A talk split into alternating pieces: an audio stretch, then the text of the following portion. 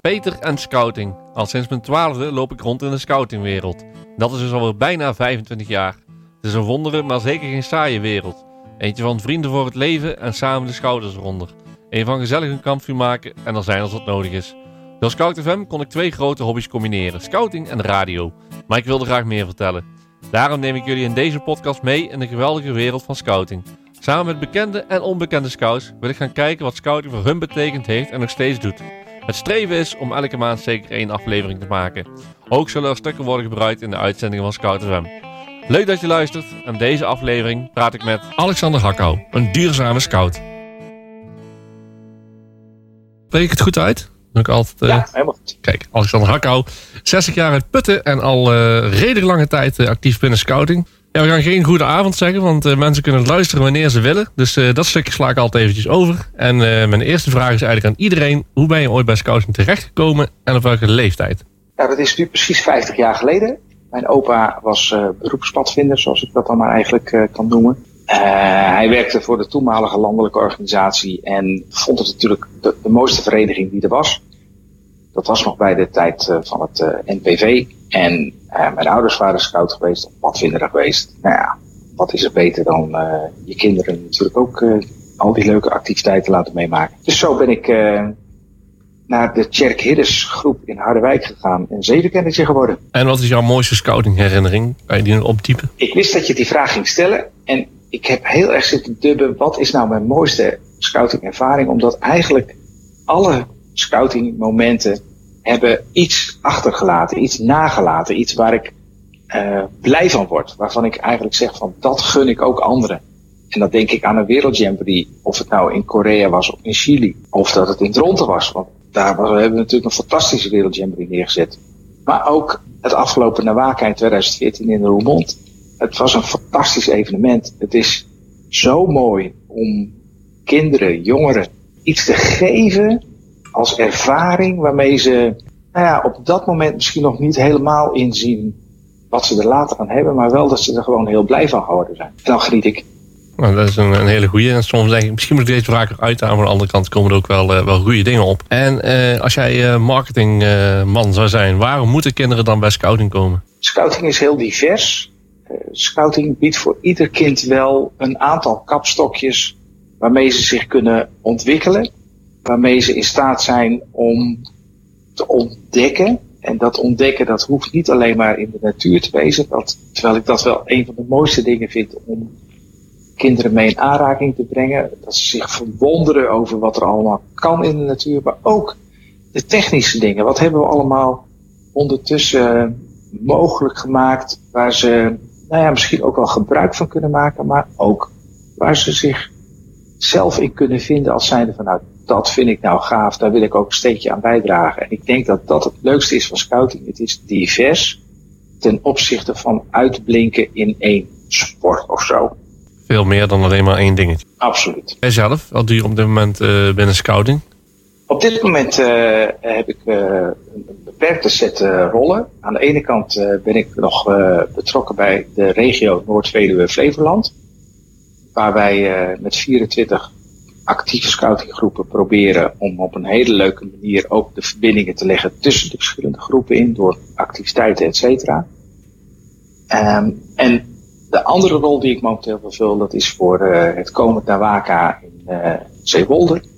Daar doe ik sponsoring en inkoop. En dan richt ik mij vooral op de bedrijven en de ondernemers die uh, in Zeewolde zitten en de contacten met het openbaar bestuur daar. Oké. En nog iets in het verschiet? Of? Ja. Ja, de Waka is zo bijna afgelopen natuurlijk. Dus, uh... Ja, ja. Nou, na de Waka, en eigenlijk begint dat ondertussen ook alweer een beetje. Uh, ik ben ook nog um, techneut. Uh, ik ben centamateur. En ik ben al decennia lang betrokken bij de Jota. De ene keer op dit niveau of op dat niveau. En ik ben nu nou ja, in, in het clubje van de Jota, uh, adviseurs uh, proberen voor dit rayon, zeg maar, de groepen te enthousiasmeren. En natuurlijk moet er zo meteen in, in oktober weer een mega mooi evenement staan. En het mooiste daarvan vind ik eerlijk gezegd dat je met groepen contact hebt waarbij je ziet dat kinderen die uh, zie je van, nou, zeg eventjes dat ze zes zijn of zo. En dan mhm. zijn ze bij zo'n groep en dan kijken ze met grote ogen naar een zender en dat er iemand uit een hele andere plaats met hen in gesprek is. Een jaar later zie je ze weer. Een jaar later zie je ze weer. En op een gegeven moment zie je die jongetjes zelfstandig of zelfs meisjes uh, op een nacht gewoon eigen verbindingen maken. Nou, dan zie je de ontwikkeling in optima forma. Nou, drukken wij in ieder geval nog. Wat denk je dat je over vijf jaar uh, binnen scouting doet? Ik zou het niet weten. Um, want ik heb niet een soort van bucketlist wat ik binnen scouting allemaal nog zou willen. Het heeft vooral ermee te maken dat ik eigenlijk een beetje de gevoel heb van als er bepaalde kansen zijn waar ik wat kan betekenen. Uh, of omdat andere mensen dat vinden, of omdat ik dat zelf vind. Dat ik daar dan een, een plekje vervul. En ik wil eigenlijk uh, bij iedere plek waar ik zit mezelf overbodig maken. Om te zeggen van oké, dan zit er zo meteen iemand van, zeg ik maar even voor de gekheid, maar probeer ik echt voor de helft van mijn leeftijd. Dat is in ieder geval een, een goed streven in ieder geval, ja, om uh, mensen te, te verjongen. Want ik denk ook dat het moet bij een, uh, een jongere vereniging. Want ja, laten we wel weten, er zijn ooit plekken waar ik uh, binnenkom. En ik denk, ik zit hier het bestuur van een jongere vereniging of ben ik bij de KBO binnengelopen. Het hoeft niet slecht te zijn, maar ik, ik heb wel altijd zoiets, als je een jongere vereniging bent, dan moet je ook een beetje met de jongere mensen in contact zijn. Anders verlies je je achterban, in mijn ogen tenminste. Dus ik denk dat het een goed streven van je is. Ik denk dat het uh, practice what you preach is. Uh, je moet het in feite gewoon ook laten zien. Je moet het waarmaken. En uh, volgens mij willen we heel veel jongeren gewoon stimuleren om op een hele leuke manier hun, jeugd door te komen. Nou, dit hoort daar gewoon bij. Dus graag jongeren kansen geven. maar ook de ruimte bieden dat ze nou, bijvoorbeeld iets oppakken op een andere manier, dan dat ik het zelf zou willen. En dan denk ik van nou, dan kan ik mezelf er alleen maar bij verrijken. Dus volgens mij is er dan sprake van een win-win situatie. Uh, bijna Nawaka, daar ben je ook weer uh, mee bezig geweest. De vorige keer als projectleider, nu als degene die uh, meewerkt aan, aan team sponsoring. Wat is, het, wat is leuker, wat is anders dan een projectleider of, of degene die met de sponsors in contact is? Nou, het verschil is voornamelijk zeg maar de soort van als projectleider heb je een helikopterview, hou je met heel veel hoofdlijnen bezig en enkele keer met uh, details. En hier bij sponsoring zit het heel erg andersom. Hier hou ik me voornamelijk bezig met allerlei details die uh, gewoon goed moeten zijn. Uh, het is in, wel in overeenkomst het gedeelte relatiebeheer, dus het leggen van contacten, mensen warm maken voor scouting het leuke is, ik heb uh, eind vorig jaar en begin dit jaar heb ik gewoon presentaties gehouden in het Zeewolse en lopen uitleggen wat een Nawaka is. En toen kon ik heel erg mooi gebruik maken van mijn eigen ervaringen van vier jaar geleden in Roermond. Um, hoe het gaat om een, uh, een burgemeester te enthousiasmeren. Nou, Zeewolde, een bijzondere burgemeester, want die hoeft niet zo heel erg te enthousiasmeren, want dat is hij al wel. Klopt. Maar het gaat ook om de mensen om hem heen. Het gaat om de ondernemers die echt niet weten wat er zomaar op hen afkomt. Als er zometeen 4000 scouts uh, de haven inkomen varen met 500 fletten, dan hebben ze zoiets van, ja, eerst zien dan geloven. En, uh, wat, wat zijn nou 500 fletjes? We hebben hier wel vaker uh, mega-evenementen. Maar het overspoelen van jeugd, echt in de leeftijd, zeg maar, nou, zeg maar, uh, 6, 7, tot uh, een jaar of twintig. In zo'n grote aantallen denk ik dat ze nog nooit hebben meegemaakt. En dat is toch een aparte dimensie. Nou, dat is leuk om dat te vertellen. Ik ben in 2014 ook nou, incognito uh, in de opbouwperiode bezig geweest. Dan hoor je ontzettend veel van nou ja, onze vrijwilligers, waar we het echt mee moeten doen. Want zelf kunnen we het niet. We zijn super blij met die vrijwilligers. Maar dat ze dan gewoon zeggen, ja, wat ze daar bij die kampleiding verzinnen. Dat is toch logisch dat dat gewoon niet kan? Nou, dan kun je ook daarop doorgaan. En als je dat dan als ervaring uh, bij je hebt, dan kun je dat ook weer gebruiken. Nu bij een volgend Nawaka. Ook weer uh, in de ondernemerssfeer. Want weet je, scouts zijn, het zijn allemaal net mensen. En dat is gewoon hartstikke leuk. Dus overeenkomsten, maar ook een aantal uh, leuke verschillen. Ja, en ook uh, een andere plek. Want ja, toen zaten we natuurlijk nog in een klein beetje vertrouwde Roermond uh, Nawaka, Nawaka zijn. En nu gaan we naar uh, inderdaad een gemeente waar in ieder geval de burgemeester ons met, met open armen ontvangt. Maar dat toch eigenlijk in zover alles nog, nog nieuw is. Er moet een nieuwe stijger komen, het terrein moet moet ingericht worden. Maar zal de aankomende jaren ook, ook het terrein worden waar, waar echt alles gaat gebeuren. Dat helpt natuurlijk wel mee. Want ja, over twee jaar staan we er weer met de scout in. Over twee jaar erop is er alweer een waken. Dat is natuurlijk wel iets wat je mee kunt nemen nu. Want het is nu wat vaster dan Roermond, waar het eigenlijk elke keer een andere plek was. Ja, klopt. Um, ik, ik, denk dat Roermond, uh, de gemeente, ondernemers, de bewoners, die waren wat meer gewend zeg maar, aan dit soort uh, nou ja, grote waterscoutingactiviteiten. En eerlijk gezegd, het evenement zelf zat natuurlijk altijd wat dichter bij zo'n centrum van zo'n stad. Roermond zelf is ook natuurlijk, nou vergeet niet, 3,5, 4 keer zo groot uh, qua inwonersaantal. Dus daar liggen ook wel wat verschillen. Maar eigenlijk in Roermond was het om de vier jaar dat er zeg maar zo'n knaller was. En in Zeewolde, daar gaan we in een ja, bijna continu stroom grote evenementen hebben. Maar ook natuurlijk de gewone scoutinggroepen die daar gewoon heerlijk een zomerkamp gaan houden. Of zoals wij als regio onze RSW houden. Of uh, we hebben vorig jaar onze BP Wandeltocht daar gehouden. Dat zijn toch van een andere schaal. Maar het is wel een continue aanwezigheid van scouts. Niet zozeer meteen in het dorp met het evenement zelf. Denk ik dat dat nog wel meevalt. Het is mhm. een soort waka dat we dat dan, hè, de opening gaan we meemaken. En we gaan de gondelvaart in uh, of bij uh, het dorp Zeewolde doen. Maar dat je ziet dat zeg maar ook in zo'n voorbereidingsperiode zijn er teams die komen naar Zeewolde toe. Die willen wel eens even kijken hoe dat dorp dan is. Die zitten op een terrasje. Die komen hun boodschappen doen omdat ze een voorbereidingsweekend hebben in de lokale supermarkt. Nou, dat zijn de leuke dingen waar Zeewolse inwoners en ondernemers merken dat er scouting is. Ja, en natuurlijk een paar keer ook dat er gewoon ja, veel publiciteit is. Dat er veel, ja, Zeewolde wordt daarmee ook echt wel een beetje op de kaart gezet. Dat is ook denk ik goed voor zo'n dorp. Dat is ook zeg maar hè, uh, het wederzijdse. Aan de ene kant vraag je natuurlijk als scouting wel wat van zo'n lessen flexibiliteit van zo'n dorp in de zin van, uh, nou ja, uh, kijk naar het verkeer. misschien nemen we wel op een gegeven moment uh, de parkeerplek van een inwoner in, waarbij die zegt van ja, dat vind ik nou wel heel erg jammer. En aan de andere kant zegt dus kijken hoe gaaf het is dat die jongelui hier zo'n plezierig moment hebben. Misschien komen ze over een paar jaar, als ze wat groter zijn, wel weer terug.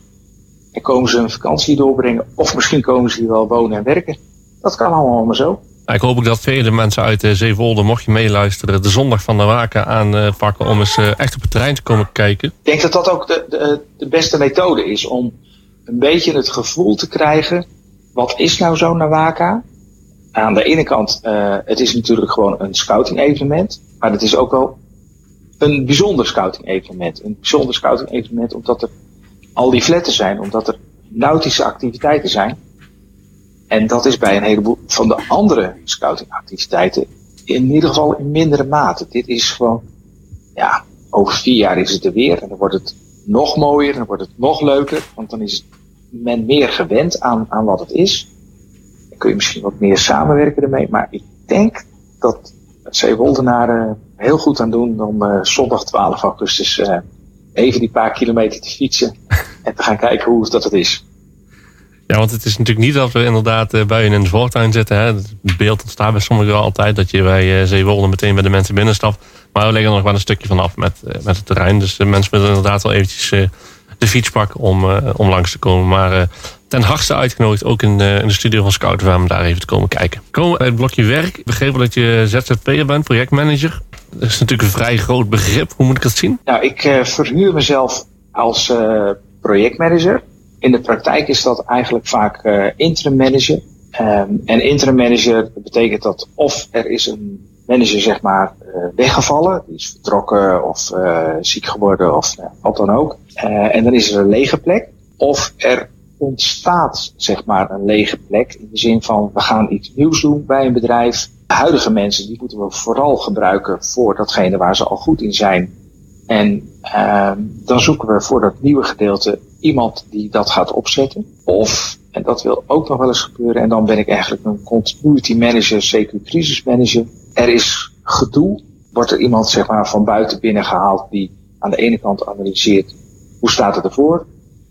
Een aantal aanbevelingen eigenlijk op een rijtje proberen te zetten en zeggen, nou, hè, we zouden dit en dat uh, uh, kunnen of moeten gaan doen. En in de praktijk gebeurt dan best wel vaak dat er dan ook wordt gezegd, nou, als je dat dan zo goed weet, ga het dan ook maar doen. Dus ja, dat, dat is een beetje uh, wat ik eigenlijk doe. En daarnaast geef ik soms ook les, geef trainingen. En dat vind ik heel erg leuk, want dat zijn toch wel de voortvloeiselen zeg maar, uit mijn tijd dat ik bij het uh, gewestelijk spel- en trainingsteam zat. Bij het uh, landelijk spel- en trainingsteam. Waarbij ik gewoon met heerlijke vallen en opstaan, ja, het vak van trainen heb geprobeerd mijn eigen te maken. en vooral naar, naar mensen heb leren kijken wat beweegt een mens om op een bepaalde manier nou ja, te reageren? Of is hij zich dat wel bewust? En, en als hij dat zich niet bewust is en zou dat zich wel bewust zijn, zou hij dan anders willen reageren? Nou, daar, dan kom je eigenlijk veel meer bij de mensen in plaats van bij de techniek uit. Ja, en een standaardvraag die ik aan iedereen in de podcast ga stellen, is van jou ook. Gebruik jij in je werk ook vaardigheden die je bij de scouting hebt geleerd? Wat ik net noemde over dat trainen, het met mensen omgaan en proberen daarmee een uh, verbetering of een bevordering zeg maar, van deskundigheid uh, te krijgen, dat is één ding. Het andere gedeelte, dat is uh, bijvoorbeeld het spreken voor grote groepen of het initiatief nemen om iets te doen. Het leuke is bij scouting, toen ik verkennertje was, dan speel je wel eens een spel, heeft de leiding bedacht van er is een ongeluk gebeurd en je komt daar toevallig met je kaartenkompasopdracht langs. En dan is er zogenaamd een vliegtuig neergestort en er ligt er zogenaamd een gewonde en uh, pak het maar op. En omdat ik dat heel erg leuk vond toen ik het meemaakte en het me echt wel bewust was van, ja, maar dit heeft de leiding georganiseerd, ga je er wel in om, om zeg maar, nou ja, de goede dingen te doen. En dat betekent dat je je soms over bruggetjes heen zet. Ik ben bijvoorbeeld iemand, ik kan niet tegen bloed. Maar ik ben wel in staat om op het moment dat er dan een ongeluk gebeurd is, um, gewoon aan te pakken. Nou, dat zijn dingen, dan kun je gebruik maken van datgene wat je in nou de speelsigheid van uh, het scoutingspel zeg maar, hebt geleerd. Uh, dat je dat dan in de praktijk brengt.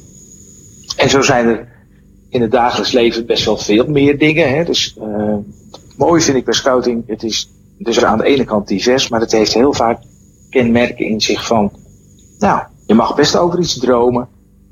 Je mag best over iets nadenken, maar de volgende fase is wel gewoon doen. En het leuke bij scouting is nog dat je volgens mij bijvoorbeeld tijdens hikes of tijdens een kamp waarbij uh, het eigenlijk gewoon alle dagen regen is of koud, uh, dat je gaat doorzetten. Dus dan zeg ik van nou, dat zijn wel de dingen waarbij je als scouting misschien wel het onderscheid maakt als zijnde van gewoon doorzetten, niet lullen, maar poetsen. Oké, we maken er wat moois van. Er zullen wel meer scouts zijn die net als jij uh, zelfstandig ondernemer uh, zijn of willen worden. Heb je voor hun een tip van wat, wat ze kunnen doen om te zorgen dat, uh, dat hun bedrijf ook echt, ook echt doorpakt? Het mooiste is dat toen ik Rowan Sherpa begeleider werd, toen hadden wij iets in de belofte staan van de kansen willen zien en ook willen oppakken. En ik denk dat dat als ondernemer eigenlijk zeg maar de uitdaging is. Dat je iets verder kijkt en dat je kijkt en wat zouden hier voor kansen aan vastzitten. En als je die kansen dan ja, bij de kop durft te pakken en zegt nou en dat ga ik nou invullen of, of in ieder geval mijn rol waar ik misschien op dit moment nog niet helemaal goed in ben, maar laat ik in ieder geval het initiatief tonen en daar dan ook goed in willen worden ja, ik denk dat dat bij een ondernemer past. Iets anders waar ik jou eigenlijk ook wel van ken, eh, Alexander. Ik vind je altijd wel een beetje een voorzichter van, uh, van duurzaamheid. In de vorm van uh, andere energie, alternatieve energie. Uh, waarom is het voor jou zo belangrijk? Ja, kijk, Peter Paul die heeft eigenlijk een soort boodschap achtergelaten waar ik heel erg achter sta. In de zin van, laat de wereld een beetje beter achter dan dat je hem gevonden hebt. Ik zal niet zeggen dat dat bij mij ingeramd zit of zo, maar het is een soort van intern verbondenheid eigenlijk met mezelf. Ik heb echt de overtuiging dat we de wereld geleend hebben van onze kinderen. En ik denk dat we daarom er goed voor moeten zorgen. En ik weet ook wel dat niet in alles kan dat. Uh, het is niet mogelijk om in één keer te zeggen, nou jongens, bijvoorbeeld zo'n energietransitie waar het nu heel erg over gaat, ach, dat doen we eventjes. Dat zijn geen opgaven die je nou ja, in, een, in een weektijd of in een jaartijd of zo gaat uh, realiseren. Maar ik heb wel zoiets van, het start bij bewustwording.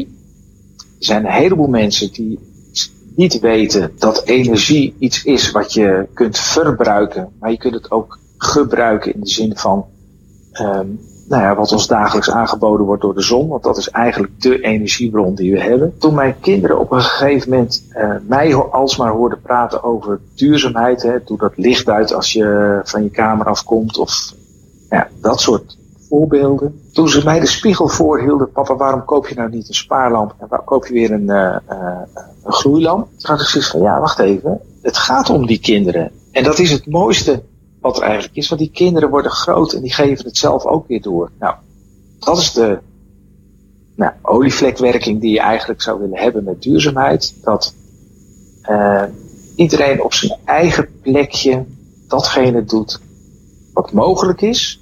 Je hoeft niet de onmogelijke dingen te doen, maar je kan je wel uitstrekken tot een stapje verder daarin uh, gaan. En daarom vind ik het leuk om mensen aan de ene kant te vertellen wat mijn eigen ervaringen zijn dat je best een aantal dingen kunt besparen, dat je best een aantal dingen in hergebruik kan doen.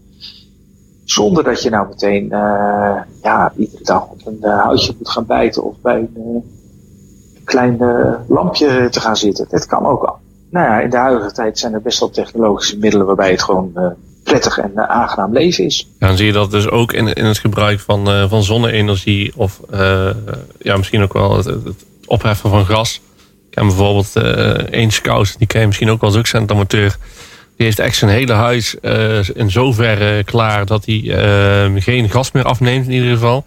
En volgens mij elektriciteit ook bijna niet meer. Volgens mij levert hij zelfs een, een heleboel boel terug. Zover is hij ondertussen al. Maar die heeft zelfs de gaskraan af laten sluiten. Is dat ook ja. jouw, jouw streven? Ja, ik denk dat het wel mijn streven is, maar ik heb niet zoiets van, ik zet daar een datum aan vast van uh, over drie jaar, dan heb ik hier de gaskraan afgesloten. Wat ik wel doe, is iedere keer kijken, hoe kan ik daar op een bewuste manier mee omgaan en zorgvuldige manier mee omgaan. Om een voorbeeld te noemen, op een gegeven moment toen dacht ik van nou, um, elektrisch autorijden, weet je, dat, dat heeft geen enkele zin, omdat eigenlijk die stroom wordt ook gemaakt met uh, gasgestookte of met uh, kolengestookte centrales. Totdat ik eigenlijk dacht ja, maar wacht even, ik heb al een enorme partij zonnepanelen op het dak. Waarom zou ik er dan niet een hoeveelheid zonnepanelen bijleggen? En die zonnepanelen die ik dan extra heb, die gebruik ik dan op die auto van elektriciteit te voorzien. Ik vind dat um, het is natuurlijk niet altijd mogelijk om uh, op die elektriciteit van de, die zonnepanelen te rijden, maar nou, ik krijg die meter wel steeds verder terug. En ik hm. krijg wel steeds meer de mogelijkheid om te zeggen van, oké, okay, uh, gas is al uh, fors verminderd. Elektriciteit kopen uit het lichtnet uh, is ook al fors verminderd. Zal ik volledig zelfredzaam worden?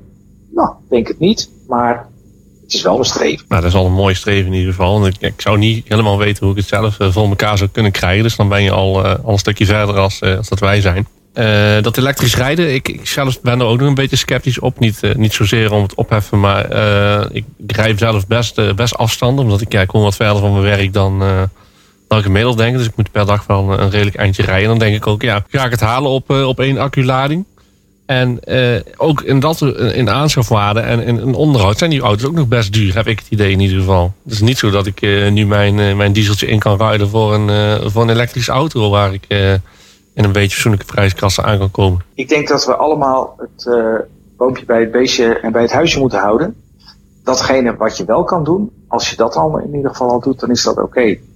Um, ik heb nu het voordeel dat ik momenteel projectmanager ben voor een project om auto's elektrisch te laten gaan rijden.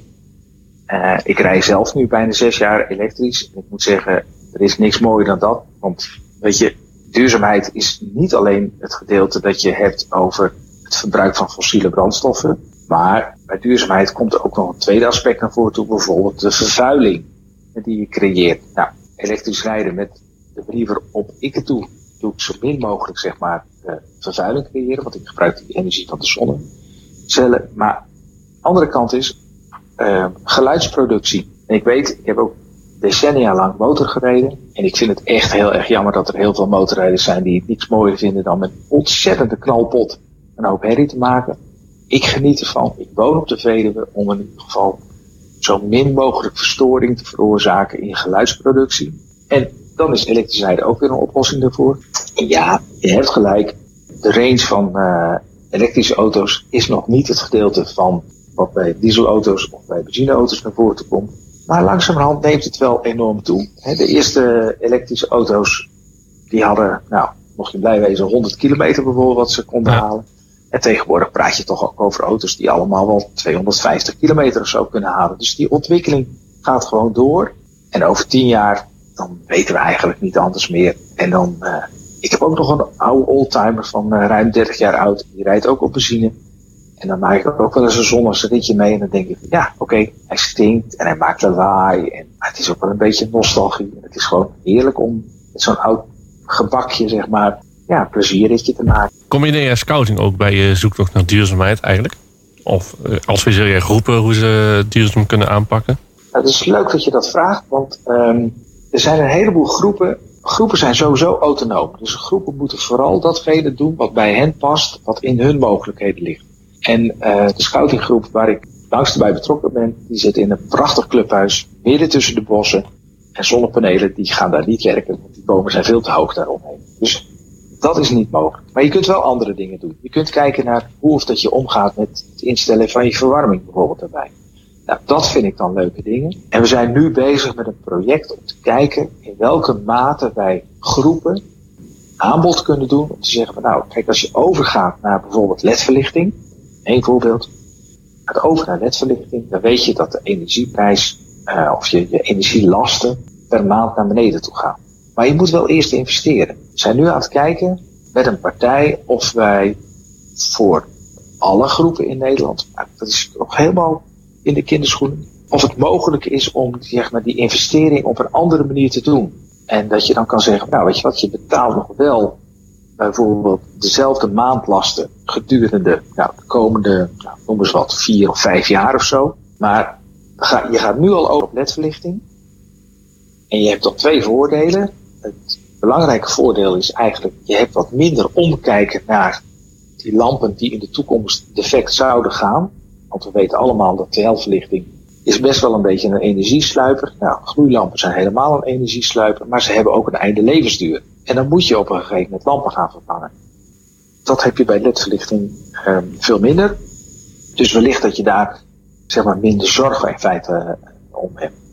En het tweede gedeelte is dat na een paar jaar weet je, vanaf dat moment zit je echt met de lagere energielasten. Nou, dat is iets waarvan ik denk dat heel veel scoutinggroepen graag zouden willen. Alleen, je moet natuurlijk nog wel met die groepen dan ook in contact komen. En je moet ook het passende aanbod doen. Want dat clubhuis wat in het bos ligt, eh, die kunnen niks met zonnepanelen. Misschien juist wel wat met ledverlichting. En een andere groep, die kan heel goed met zonnepanelen uh, uit de voeten. En die zeggen, nou ja, weet je, die ledverlichting. Bij ons brandt eigenlijk bijna nooit ledverlichting. Want wij hebben opkomst, zeg maar eventjes van uh, zaterdags van uh, nou, 10 tot, uh, tot 2 of zo. Wij hebben nooit de lampen aan. Het enige wat wij verstoken is een beetje gas. Omdat we soms tussenmiddag met, met alle leidinggevenden op dat moment aan het eten zijn. Nou, moet je misschien kijken hoe je dat op een andere manier kan doen. Nou, dan denk ik aan solar cooking. Leuk project met je scouts te gaan doen. Hoe kun je gebruik maken van de zon die er is. Op een leuke manier je maaltijd bereiden. En dat gaat werken. Nou, dat is een mooi project voor je, Alexander. Als dat zo horen in ieder geval als je geen scoutenproject ja. meer hebt naar Nawaka. Kun je, ja. daarmee, kun je daarmee verder? Ja, ja. Je mag bij ons altijd ja. komen kijken. Want het is inderdaad wel iets uh, wat, uh, wat, wat speelt, denk ik. Inderdaad, het terugbrengen van, van de energiekosten, maar ook zeker het, het gebruik. En wat wel bij meespeelt, inderdaad, en is met alle scoutinggebouwen, dat ze door de week natuurlijk ook leeg staan. Dat is, dat is nou eenmaal zo. Daar wel nog iets in zit, zeg maar, om ook te kijken naar je scoutingclubhuis. En ik denk dat we daar ook wel een verschil krijgen tussen groepen die zeg maar dicht bij de bewoonde wereld zitten. Dat je ook kan zeggen van nou, kan zo'n gebouw ook niet door de week gebruikt worden. Uh, het standaard voorbeeld is natuurlijk de BSO, hè, buitenschoolse opvang die gewoon uh, ook gebruik maakt van het clubhuis. Dat heeft natuurlijk een paar voordelen. Het heeft in ieder geval uh, de mogelijkheid dat er ook wat financiën bijvoorbeeld naar zo'n groep naar binnen toe komen. Maar ik denk dat je daarmee dan ook een verankering doet in de maatschappij. En die scoutinggroep die natuurlijk op grote afstand zit van de bewoonde wereld, ja, daar is zo'n PSO misschien dan niet de, toepassing voor. Maar misschien zijn er wel andersoortige groeperingen die het juist prachtig vinden om um, in een wat ver afgelegen uh, clubhuis gewoon in alle rust of um, in, in, in een wat meer natuurlijke omgeving, al is het maar uh, schilderen. Ik, ik ken bijvoorbeeld mensen die zeggen, nou wij vinden het hartstikke mooi om een plekje te hebben waar we onze schildersezels kunnen opzetten uh, waar we kunnen schilderen. En soms gaan we heerlijk naar buiten toe en maken we een fantastische wandeling. En ik denk dat je daarmee nou ja, voor de maatschappij best wel een rol uh, vervult. Het enige nadeel vind ik daar altijd bij. Je moet wel zorgen dat de, dat de scouting dan uh, wel in lead blijft, zeg maar. Ik ken, ik ken een paar groepen waar echt de scouting een beetje de bijzaak is geworden in, uh, in hun eigen gebouw. En dat vind ik dat je altijd een beetje moet voorkomen. Kijk, de inkomsten zijn hartstikke fijn. En dat, dat je daar uh, wat voordeel van hebt. Maar het moet niet zo zijn dat, dat je niks meer aan de muur mag hangen. omdat de volgende maandag de BSO weer komt. Dus dat vind ik dan nee. moet ook een beetje naar gekeken worden. En dat is ja, de kentering die ik ergens gezien heb. Wat, wat mij dan weer een beetje tegenhield. Maar het is zeker zo dat je moet kijken. wat, wat doe je door de week met dat, ja, met dat dure gebouw. En dat is iets wat bij ons op de groep ook speelt. En net wat je zegt, die zit of dicht bij het dorp. Nou, daar zitten we eigenlijk net niet. Dus uh, dan moet je andere, andere gebruikers. Maar als er een gebruiker is die binnen onze, onze kaders wil uh, opereren, dan zou die zeker welkom zijn. Ja. Als, uh, ja, we hebben scouting natuurlijk, denk ik, een beetje als je belangrijke hobby. Maar als ik vraag, een andere hobby buiten scouting, heb jij die? Of? Wat ik al zei, ik vind het leuk met techniek. Ik ben van oorsprong met een mooi woord telecommunist. Dat betekent dat ik graag verbindingen leg tussen mensen. maar wel ook soms met gebruik van, van apparatuur. Dat betekent dat ik inderdaad hier bij het huis een aantal antennes heb staan waarmee ik inderdaad verbindingen kan leggen. De praktijk is dat ik gevoelsmatig dat altijd veel te weinig doe. Maar ik vind het wel een hele mooie uh, hobby om te experimenteren, te onderzoeken van nou, wat, wat zijn er aan, aan mogelijkheden. En bij amateurs kijk je heel gauw naar zeg maar, welke afstanden of landen heb je verbinding mee gelegd. Nou, dat vind ik al, al super mooi. Ja, verder heb ik uh, jarenlang uh, zeilen een fantastische hobby gehad. Dat is ook een fantastische hobby. Alleen wat ik wel merk is van, je moet ook wel een partner hebben waarmee je dat samen kan doen. Niet zo'n partner hebt die zeg maar ook al die tijd daarin uh, wil steken. Dan kun je beter zo nu en dan eens even met iemand, nou ja, zeg maar meevaren of een boot huren. Dan dat je daar altijd onder ligt. Vroeger toen ik een eigen boot had, had ik het gevoel dat verhoudingsgewijs half-half was. In de winter stak je er heel veel tijd in om die boot voor de zomer zeg maar klaar te hebben. In de zomer maakte je er gebruik van. Maar ja, de verdeling was een beetje zeg maar niet, niet uh, evenredig. In de winter was ik er dan mee bezig. En mijn partner die uh, zag me alleen maar vertrekken um, en, en heel vies terugkomen. Uh, en dan had ik hele leuke dingen gedaan, maar ik was doodop. Ja. En ja, daarvan denk ik van, um, het is een, een, fantastische hobby. Ik mag heel graag zeilen. Ik vind het ook heerlijk om te doen. Maar het is, nou ja, net, niet mij, zeg maar, mij gegeven om dat dan ook uh, uh, weer zo te doen. Nou, ik zei al van motorrijden heb ik jarenlang met heel veel plezier gedaan. Zowel aan de ene kant zeg maar de, de, de toertocht over bijvoorbeeld de Duitse Eifel of nou, wat dan ook. Als ook uh, een andere kant, en dat is enduro, zeg maar rallyrijden.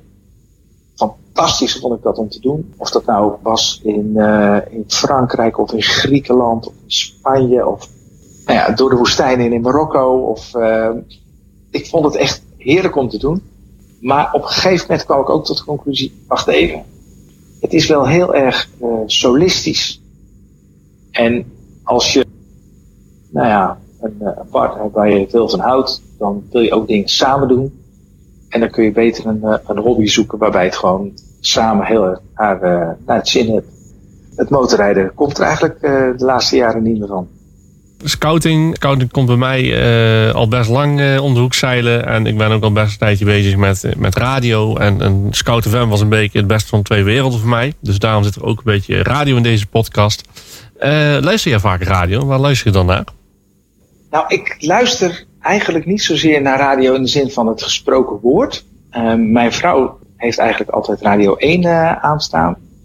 Als we samen in de auto zitten, dan is het nog wel eens kiezen, zeg maar, Radio 1 of een Sky Radio of een CD. CQ uh, een, uh, een streaming. Ik moet zeggen, radio luister ik voornamelijk voor mijzelf, voor de muziek. Gewoon omdat ik daar me in kan ontspannen.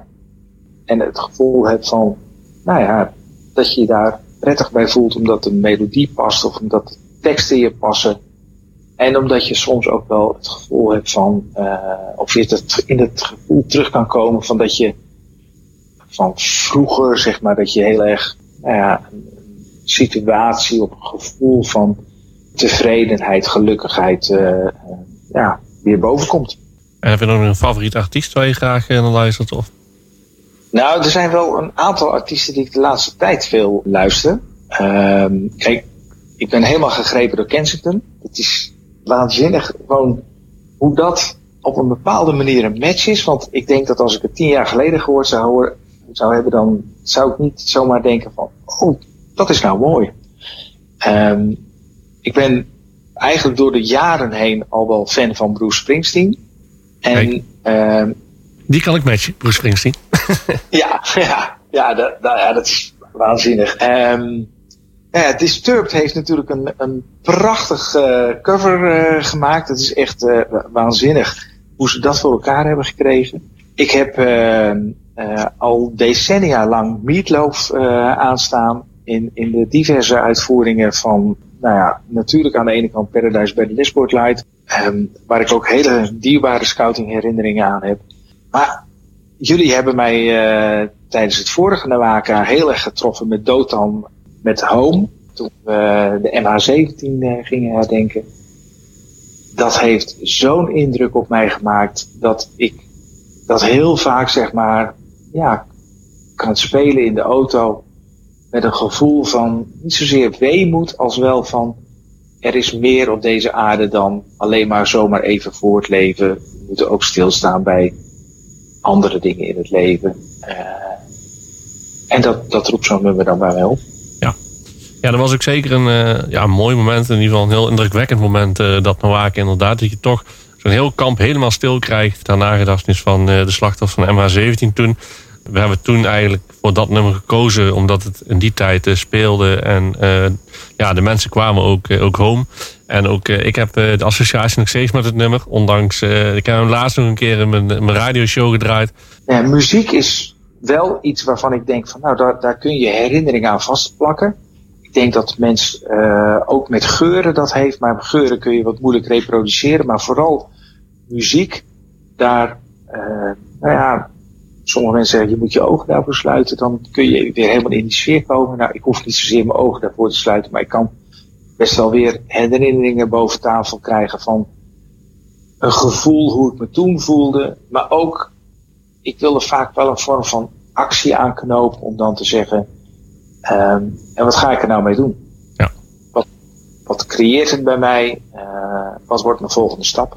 En ben je ook iemand die wel eens podcast luistert of andere streamingdiensten die, uh, die beschikbaar zijn? Ja, um, bij, allen pro probeer ik dat uh, en, en heb ik dat al een tijdje, nou ja, uh, zeg maar dat ik het aan heb en dat ik er naar luister. En waar ik eigenlijk altijd wel een beetje negatief door getroffen word, is dat als het een succes wordt, dan of je moet er aan de ene kant voor betalen. En als Hollander heb ik dan wel zoiets van, waarom moet ik daar nou weer voor gaan betalen? CQ, uh, er komen een hoeveelheid reclames naar voren toe. En dan wordt het weer gauw een commercieel traject. Ik zie dat nu heel erg bij uh, Sky Radio. Sky Radio heeft als ja, uh, logo bijna 24 uur uh, vol continu muziek. En de reclames worden steeds langer. En dat vind ik zo jammer. Ja. Ik zoiets nou ja, weet je, dan zet ik die harddisk zelf maar aan of een cd. En dan geniet ik gewoon. Ja, nou, is natuurlijk bij Sky Radio moet, moet de boterham verdiend worden. En die kan alleen maar verdiend worden met die reclame. Dus uh, ja. dat is natuurlijk dan de prijs die we inderdaad moeten betalen voor uh, het kunnen luisteren naar, uh, naar een Sky Radio. En ik wil nog één artiest zeg maar even noemen waar ik heel positief vorige week door getroffen werd. Dat was Daniel Lomus, die een mooie scoutingachtergrond heeft. En daar staan we soms niet bij stil dat onze scouts, kijk zeg we hebben nu 110.000 scouts in Nederland lopen. Maar dat waren er vijf jaar geleden ook 110.000. Maar van die 110.000 toen um, zijn er een aantal die hebben de vereniging zeg maar achter zich gelaten. Maar die zijn in de maatschappij gewoon verder gegaan. Nou, Daniel Loos is dus kennelijk zo iemand die um, op een hele mooie manier scouting heeft meegemaakt. Goede herinneringen daaraan heeft. En verder gegaan is in zijn leven met datgene waarin hij, nou ja, uh, zijn kwaliteiten had. Waarin hij talenten heeft kunnen knopen aan datgene wat aan de kansen, zeg maar, zich voordeden. En hij heeft dus mensen als Meeuwis en Paul de Leeuw en zo uh, uh, blij kunnen maken met liedjes die hij voor hen geschreven heeft. En er is natuurlijk één lied wat voor mij eigenlijk gewoon heel erg um, ja, van toepassing is, waarvan ik echt denk van nou, dat zouden we toch met z'n allen toch wel eens een keertje wat meer kunnen uh, doen. Als de liefde maar blijft winnen van Daniel Loos is een nummer waarvan je echt denkt van ja, wacht even, niet alles is te besturen. Maar ik mag wel gewoon een stukje liefhebben. En of dat nou liefhebben voor de natuur is, of voor een persoon, of voor een gedachtegoed, dat maakt mij op zich niet zoveel uit. Maar dat je vanuit een stukje overtuiging ook gewoon, ja, daar wat, wat uh, energie in steekt. Dat je er gelukkig van wordt. En dan zingt hij van, ja, dan komt het allemaal wel goed. En ik denk dat dat ook wel voor een gedeelte zo is in ieder geval een paar eh, goede uh, muziektips uh, nog voor jou gekregen. Daar kan ik ook in de, in de, uitzending nog wel mee. Ik heb inderdaad laatst ook nog het, nieuwe album van Daniel Loris erbij gepakt om eens nummers van te draaien. Dat is ook wel... hij is af en toe een beetje ondergewaardeerd. Dat vind ik inderdaad wel jammer. Terechtkomen op die bekende scouts. Dat is ook wel een beetje iets waar... je moet er een beetje achteraan als die mensen. En, maar dat zou zeker ook een optie zijn om in deze podcastreeks aandacht aan te besteden. En op Scouten hebben we ook aandacht aan besteden. Er zijn inderdaad genoeg BN'ers noemen ze maar even, die uh, een scouting-achtergrond hebben, maar misschien best interessante verhalen te halen zijn. Ik heb zelf ooit uh, met, uh, met Bas van Tor gesproken, Clown Bassie. Die heeft dus ja. ook een hele scouting-achtergrond. En dat is geweldig om er met zo iemand over te hebben. Weet je, vroeger op de Scout In, en ik stam nog uit de tijd dat de eerste Scout In zeg maar nog meegemaakt heb, dan hadden we een musical. En eerlijk gezegd, ik vond het altijd wel een beetje gemaakt. Maar dat was het ook. Het was gemaakt. Het was heel veel plezier maken met elkaar om het te creëren. En als je dan met al die duizenden scouts, zeg maar, dat, dat zat te luisteren, dan, dan is dat gewoon gaaf. En daar zijn dus gewoon soms pareltjes van mensen die dan op een hele leuke manier gewoon ook in die wereld, zeg maar, nou ja, ik zal niet zeggen blijven hangen, maar dat ze daarin hun talenten ook verder kunnen ontwikkelen. Nou, dat is gewoon kicken. Nou, dat was hem eigenlijk, eh, Alexander. We hebben toch bijna een uur vol. Zie ik het, eh, het klokje hier lopen, dus eh, dat is prima. Ik wil jou in ieder geval hartelijk bedanken dat je mee wilde werken aan, aan dit project. En ik hoop dat we elkaar tijdens het Nawaka nog, gaan treffen. Is het niet bij het Nawaka, dan is het wel bij een ander evenement. Maar ik weet zeker dat ik graag weer even bij het Nawaka bij Scout FM naar binnen toe wandel. Want jullie maken tenslotte ook iets mogelijk voor al die scouts die gewoon eventjes met een radiootje of naderhand nog eens een keertje uh, iets kunnen terugluisteren en, en dat fantastische gevoel van zo'n scouting evenement boven tafel kunnen halen. Dat was hem dan. De tweede aflevering van Peter en Scouting. Heb je genoten? Help me dan mee hem te promoten. Deel de berichten van mijn Facebookpagina en de podcast. En natuurlijk mag je jezelf ook abonneren. Dan hoef je geen aflevering meer te missen. Tot de volgende keer.